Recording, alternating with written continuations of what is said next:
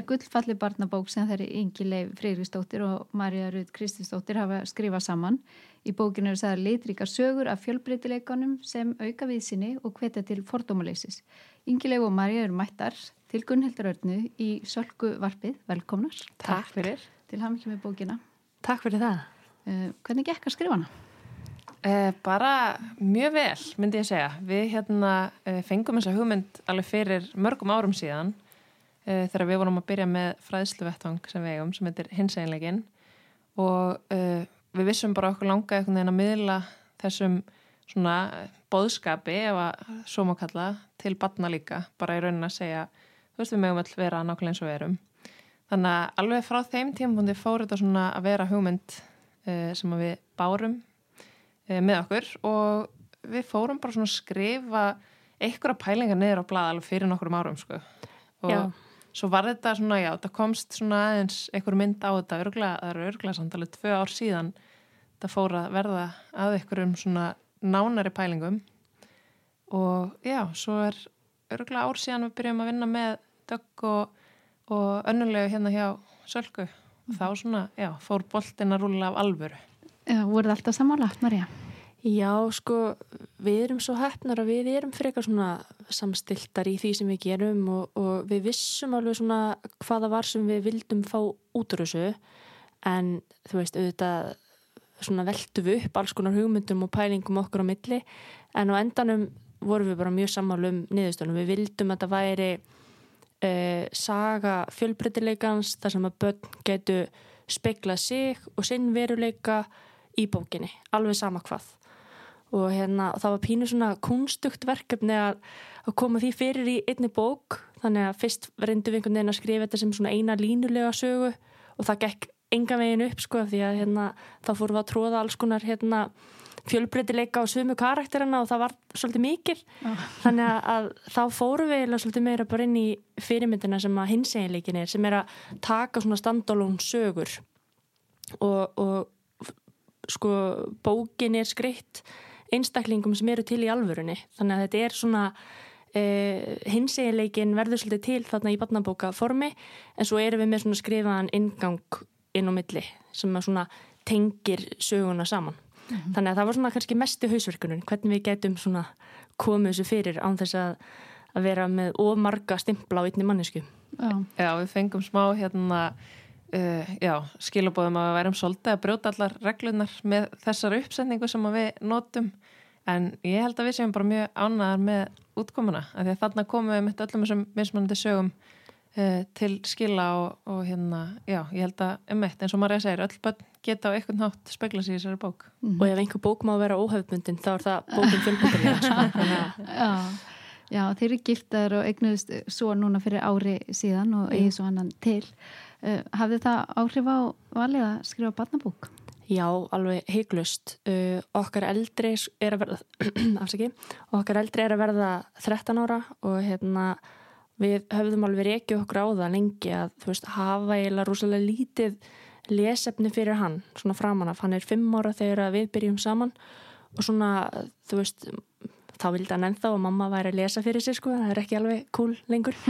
En, en svona, þú veist, það var lítið úrval af um eitt efni, þú veist, til þess að miðla og pæla í þessum veruleika.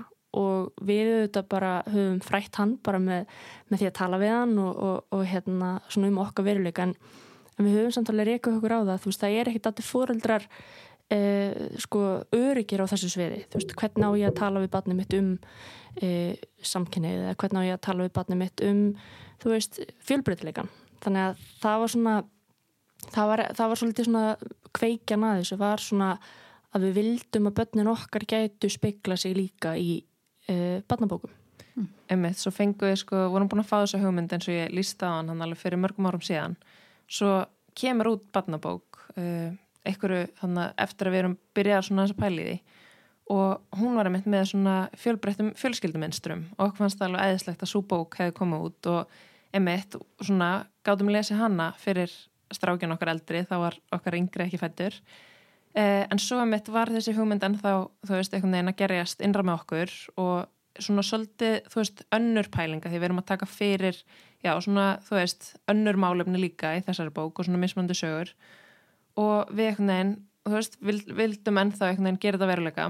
En þá var okkur sagt að nú væri komin sko út einn hins eginn barnabók og þá þyrti bara ekki fleiri. komið. Það er bara búið að tjekka í þetta bóks á markaðunum Ah. og það þarf ekkert meira. Og það var reyndar ekki hér sko, það var hérna á, á öðrum stað.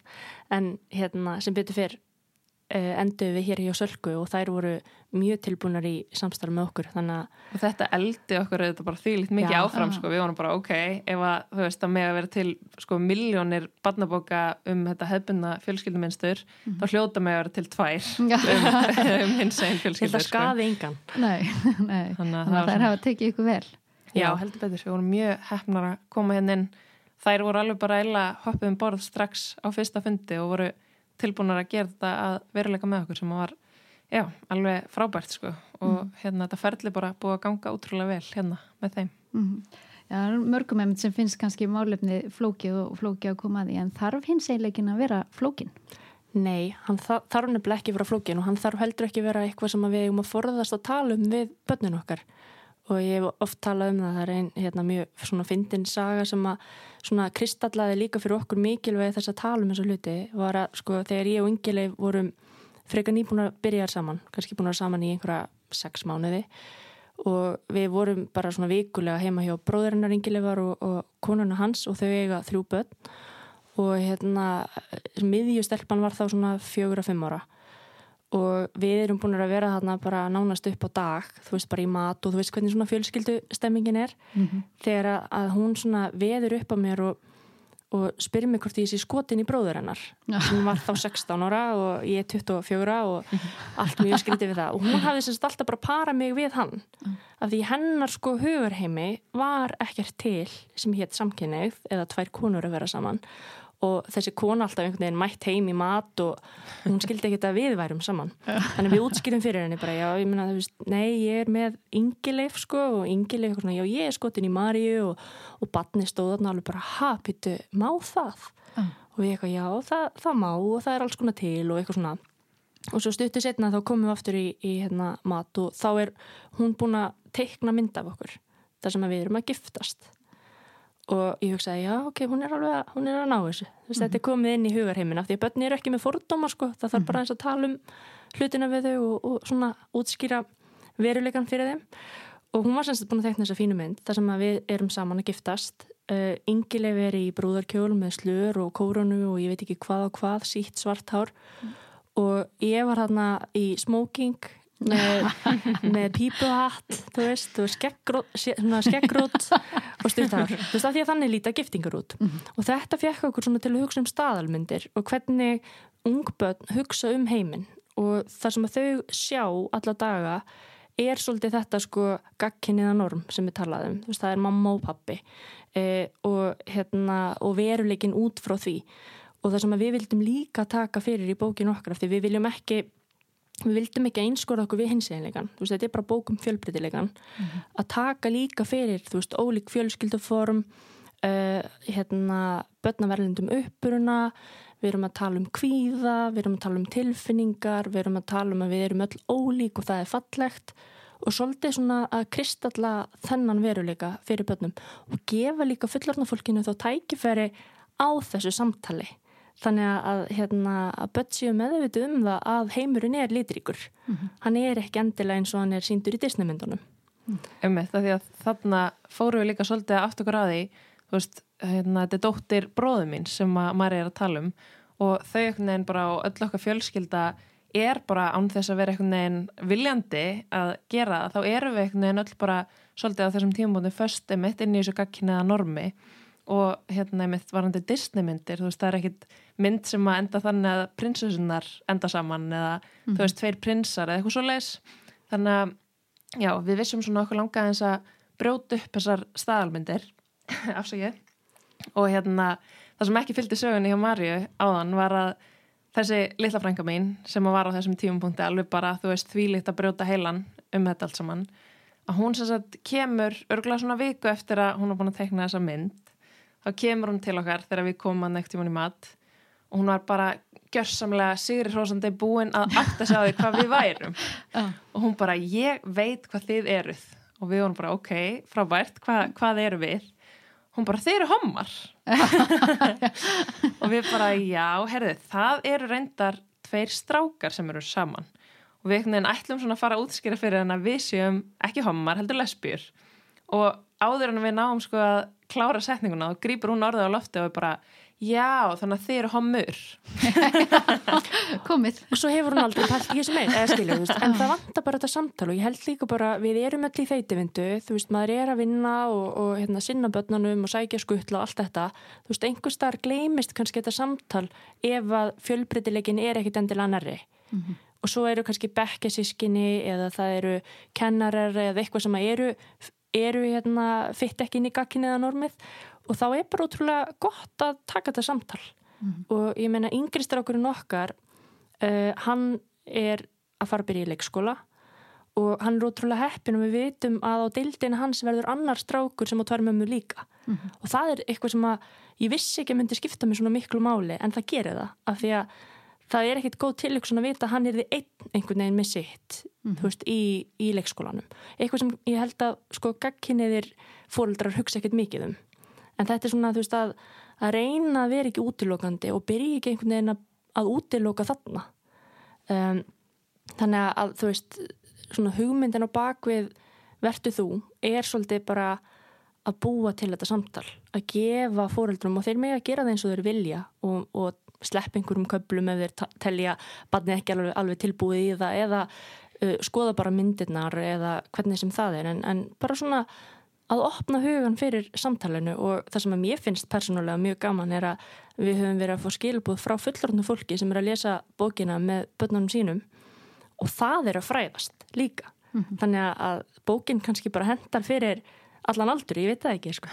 kannski bara geti verið bara fínasta fræðsla sko. Já, að því hún nefni myndirnar sem að Alda Lilja teknaði, Rannardóttir og já, þær eru kannski ekki alveg svona stereotýpan eða staðalmyndin heldur. Nei maður tekur eftir því þegar maður skoða myndinar var það meðvitað? Já, Marja? algjörlega við, hérna, já, við vissum frá upp á okkur langa að hafa er svolítið óhefbunar og hún er einmitt svona teiknari sem að fer algjörlega sínar einleiðir, gerir eiginlega bara allt held ég sem að er sko út fyrir einmitt þetta norm, þú veist, það eru bara allir, þú veist, mismunandi í starðum og gerðum og útliti og, og hérna, einhvern veginn, já, öll form svona, já, af fólki og og dýrum og ég veit ekki hverju. Þú veist það er ein hérna ég mitt saga í bókinni af stelpu sem heitir Embla og hérna mynda kettinum hennar við hliðin á hann og hann er alveg bara sko næstu í afstóra hún og hún. Hló mikið af því að því að hann er við svolítið bara svona emitt, það er allt svona pínu surrealist en mjög skemmtlegt veist, þannig að við vorum já alveg hérna ákveðnar í því í upphafi að okkur langa að hafa er svona svolítið kvörki og skemmtlega myndunar og hún er hins einn líka, hún er aldalilja þannig að okkur fannst tilvalið að fá hana með okkur í lið. -hmm. þannig að við erum ótrúlega ánaða með þetta. Við vissum líka okkur langa ekki að fólk myndi opna bókina og einhvern veginn finnast það að vera kennslubók mm -hmm. þetta er líka bara skemmti bók veist, og, og það er það sem er svo frábært við að við vonumst til þess að börnum geti þótt hún skemmtileg þó hún sé einmitt í þessum fræðslu tilgangi líka Já. að þá sé þetta ekki hérna eitthvað svona steril kennslubók sko. þannig að að það er mjög skemmtilegt en á sama tíma eins og maður er að koma inn á þá er þetta samt sem aður mikil fræðsla sem að fólk getur fengið og líka bara það að við erum að svona ég eila bara held ég fyrsta sinn allavega veit ég ekki til þess að það hafi verið gert ofta áður að við erum bara að í rauninni adressa hluti sem að þú veist hafa ekkert mikið verið adressaðir áður eins og til dæmis uh, varandi transböld Eh, það er stelpa sem er að mitt fjallaðum í bókinni sem heitir Ronja sem er svona góðkunningi okkar inn á hinseginleikanum og kom þangað fyrst inn með mömmu sinni þegar hún var bara 6 ára mm -hmm. og hérna og hún sem sagt sagði okkur það mamminar þá á þeim tíma, þá vorum bara leikskóla. Og þá sagði mamminar okkur það að það væri bara í rauninni ekkert efni sem hún gæti vísað börnunum eða leikskólakennunum á. Það var til einhver einn handbók fyrir foreldra transbarna mm. en ekkit efni fyrir börnin sjálf. Og, hérna, og það var líka, þú veist, þá voru við einhvern veginn búin að ganga eins um þessa hugmynd og það var alveg bara svona vitaminsbröta inn í þetta ferli okkar að vita af því að, já ok, þú veist, þannig er heil veruleiki sem að börn hafa ekki hugmyndum og hún einhvern veginn alveg bara, hún Ronja, þú veist, á sínum leikskóla og svo í sínum grunnskóla sem að, þú veist, var trans og er trans og engin einhvern veginn almennilega vissi hvað það væri Mhm. þannig að það að við séum að fjalla um trans einstakling, transbann í þessari bók held ég líka að sé bara ótrúlega mikilvægt upp á það að ef það er síðan eitthvað transbann í bekknum þá getur bara börn verið búin að lesa um það þú veist, og vita þá bara, já ok, þú ert trans emitt, hvað hérna, hva er bara þú? eðlilegasti hlutur. Skilur, já, bara einhvern veginn Egu frúti í fótbolta já, eða eitthvað. bara, þetta er bara partur af flórunni, sko Já, en það er svona oft talað um að sé svona tími rétt sínist núna Mhm. en er umburlindið alveg í takti við, við þessa tíma, finnst ykkur? Um, góð spurning sko, já að sko, mestu leiti myndi ég segja að það væri það uh, við erum alveg mjög lánsum að búa hérna á Íslandi þar sem að, að staðan er auðvitað bara miklu miklu betri en á mörgum öðrum stöðum í heiminum. En samt sem áður þá uh, er alveg ennþá til staðar svona bara ákveðin fáfræði uh, sem að leiðir til ákveðina fordóma. Og við meira segja uh, vorum smá með í maganum fyrir svona ákveðnum hlutum sem við erum að koma inn á í bókinni. Bara eitthvað svona, vá, hvernig mun þessi hópur fólks taka í þetta? Mm. og svo litum við á hver aðra og vorum bara byrju fyrir ekki, ef að við eigum ekki að tala um þetta, hver á þá að gera það? Veist, og, og þetta er bara partur af flórunni. Þannig að það er ekki hættulegt að segja, veist orðið eins og trans eða tippi eða ég veit ekki hvað, eins og við erum að segja í er, þetta er bara partur af því hverju við erum og þetta er bara partur af samfélagin okkar og er ekkert að fara neitt. Mhm. og hérna, og ef við erum ekki tilbúinur að, að tala fyrir því, þá já, þá erum við nú komnar á ykkur endastöð held ég, Já, en hérna en já, já, það er ennþá, þú veist, það eimir ennþá af svona ymsum hérna skoðunum sem eru á skjön við hérna það sem að já, bara okkar veruleika í rauninni. En sem betur fyrir þá, þá er nú alltaf hérna, þróast í rétt átt þar. En, en ég held líka bara að það sé ótrúlega mikilvægt og það er ástæðin fyrir því að við höfum haldið hins einleikanum úti sem er semst inn á Instagram núna. Mhm. Allan annan tíma uh, og það er bara að um leið og við sopnum á verðinum þá er bara svo auðvelt að kippa okkur tilbaka og við höfum séð þetta gerast í löndum í kringum okkur bara eins og Pólandi og Rúslandi og veist, bandaríkjanum að ykkur leiti Mhm. að það er í rauninni þegar fólk er farið að taka réttindunum sem sjálfsögum hlut að þá er bara svo auðvelt að hrifsa þau á manni Já. þannig að við erum alveg staðrannar í því að það verður ekki gert hér við ætlum bara að halda áfram að tala þessu máli þannig til að við getum ekki tala meir sko. Og fordómar eru líka svolítið svona áhugavert, áhugavert tilfinning. Við erum öll með fordóma og hérna, það er engin laus við fordóma. Við rekum okkur á þetta flest held ég einhvern tíman í hverju viku sko, að finna fyrir einhvers konar fordómum eða skilja ekki eitthvað og líkillin að sko, fordómaleysi er bara fræðsla og að skilja betur og fordómar er í grunninn bara ótti og maður er hrættu við það sem maður þekkir ekki. Þannig að hérna, við höfum svolítið litið á það sem bara svona áskorun og tækifæri frekar en eitthvað sem er hræðilegt. Að hérna, reyna að skilja hvaðan fólk er að koma með sinn ótta og tala við það og útskýra fyrir þeim að, að veist, það er ekkit hættulegt. Það er enginn að fara að taka neitt af neinum með því að fá að vera hann sjálfur það býr bara til frelsi, það býr, bara til hamingu og góðar tilfinningar fyrir viðkomandi. Það snertir í raun og veru ekkit hinamanneskuna sem finnur fyrir fordómanum og, hérna, og þetta er eitthvað sem að ég tekið mjög eftir sko, við höfum núna í hvað, fjögur ár verið að halda fyrirlestra í mentaskólum og, og komið við það fram. Og ég finn rosalega mun bara frá fyrsta ári þangar til sko núna þá eru krakkarnir bara, uh, þú veist hvað er það að tala um, við erum öll bara eitthvað pan eða eitthvað. Og hérna það er meira svona, ég er meira verið að tala um sko, kannski þurfum við frekar að fara inn á vinnistæði eða elliheimili eða, eða eitthvað svoleiði sko, því að þau eru alveg með þetta sko og hérna um eitt eldri strákurinn okkar er í áttundubekk og, og það er bara, þú veist þar eru bara krakknir strax farnir að explora og pæla og, og eitthvað svoleiði sem að ég hefði aldrei þórað að gera í áttundubekk og ég meina, þú veist, við erum komið með hins einn félagsmiðstöð sem er á vegum hérna Reykjavíkuborgar sem er frábært konsept, þú veist, þannig að og við fórum og heldum fyrirlestu þar í vetur og það voru sko, held ég 70 eða 80 krakkar og, og þú veist, ég fór bara eiginlega gráta þegar ég kom heim af því að, þú veist, hefði ég í 8. 9. 10. bekk haft í fyrsta lagi stað til að fara á, nei, eða geta horst í auðvið sjálfa mig á þessum tíma, nei. Þannig að við erum ekki gamlar en þróunin er í þessa átt og, og eins og þú veist það var hérna sjónstáttur fyrra sem að hérna heiti transbönn, þar sem var verið að fylgja eftir alls konar transbönnum, þetta er ekki bara eitthvað eitt tilvik Mm. og þetta er ekki eitthvað sem bara deyr út, þetta er bara hluti af flórunni þetta er ekki bara einhver svona jáðartilvik skiljiði, þú veist, mm -hmm. þetta er svona já, þannig kannski svolítið svona æfinga að hugsa um veruleikan ekki tvívít heldur þrívít Já, þeir eru náttúrulega með þetta fræðslu já, fræðslu vettvang hins eiginleikan, hvert mm -hmm. þróast hann núna? Batnabók, þeir eru búin að vera í sjónvarpið þetta Instagram og, Já uh, Það er góð spurning uh, kannski bara áframhaldandi skrif, það er aldrei að vita mm -hmm. og jáfnvel eitthvað hérna á öðrum miðlum. Við munum allavega að halda áfram að tala þessu máli eins og ég segi áfram.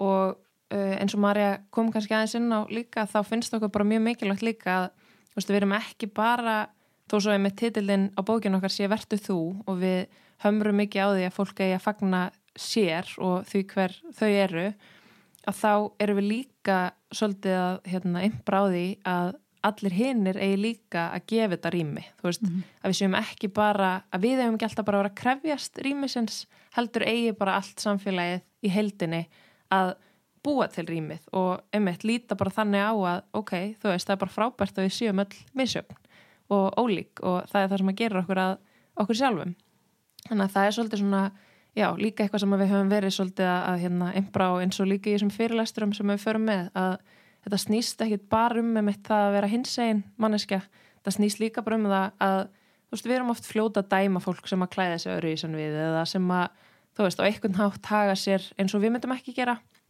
Og það er svona eitthvað sem við viljum svolítið svona hrist upp í hjá sérstaklega mitt ungum, krökkum og úlingum bara af hverju eru það að dæma þessa mannesku fyrir að klæða sér svona eða haga sér svona eða segja þetta? Þú veist, er ekki bara frábært að þessi einstaklingu fá að vera nákvæmlega eins og hann er og, hérna, og við getum þá bara verið við sjálf líka í friði veist, mm. þannig að við þurfum öll að veist, leggja okkar á mörgum og eins og hérna varandi bara þess að réttinda bara til heilsinni að þá þráttur að við sem samkynja par og þú veist, sápartur af hins eginn flórunni sem komnar ákveðin stað þar sem að við erum ekkert útskúaðar úr samfélaginu og við hefum bara okkar börn og erum mjög eðlileg fjölskylda að þá eru ennþá hópar hins eginn fólks sem að eru alls ekki á sama stað til dæmis bara emitt transfólk, kynsegin fólk og bara fólk sem að, þú veist, intersex fólk sem eru í hópum innan hinsegin reglívarinnar sem eru bara ekki, þú veist, næla eða semst bara ekki komnir jafnlánt vegna þess að það eru miklu bara nýri baráttur, uh, yngri baráttur af því að það er bara aðeins að komast í rauninu upp á yfirborðið af því að fólk sem er tilbúið að stígu upp og fara að tala gegn misrættunum sem að það hefur orðið fyrir að það auðvitað býr loksins til þetta rými sem að, sem að þarf til þess að hérna, aðeins að vekja fólk til umhugsunar í samfélaginu. Og það er einmitt, þú veist, við erum ákveðnir forreitnda pésar innan þessa hóp sko. í, dag. Viljum, í dag.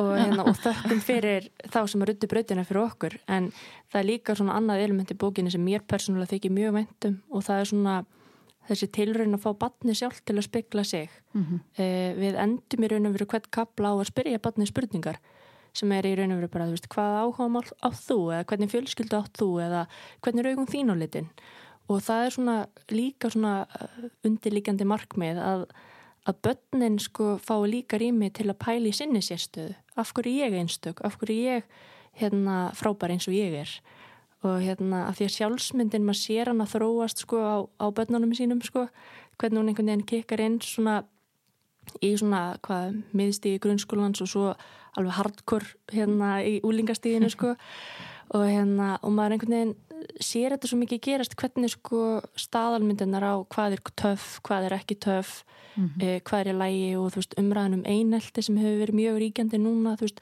hvaðan sprettur upp eineltið mm -hmm. veist það er kannski að því við gefum ekki þetta plás Já, og þröngur rammi og mhm. þröngur rammi um hvað er töff ég meina mér bráum daginn ég hérna, fór í eitthvað fóröldarvittal eða eitthvað og, var að letið svona inn í hérna anderi og þó voru bara hvítir stríðaskur mm. og ég hugsaði, vá, ok, þú veist ég hefði alveg klárlega átt hvita stríða sko líka, veist, ég er ekki dæma en, en þetta var bara svona, veist, ég sá þetta svo svartu hvíti ég bara, já ok, veist, við erum mætti í þetta stig ok.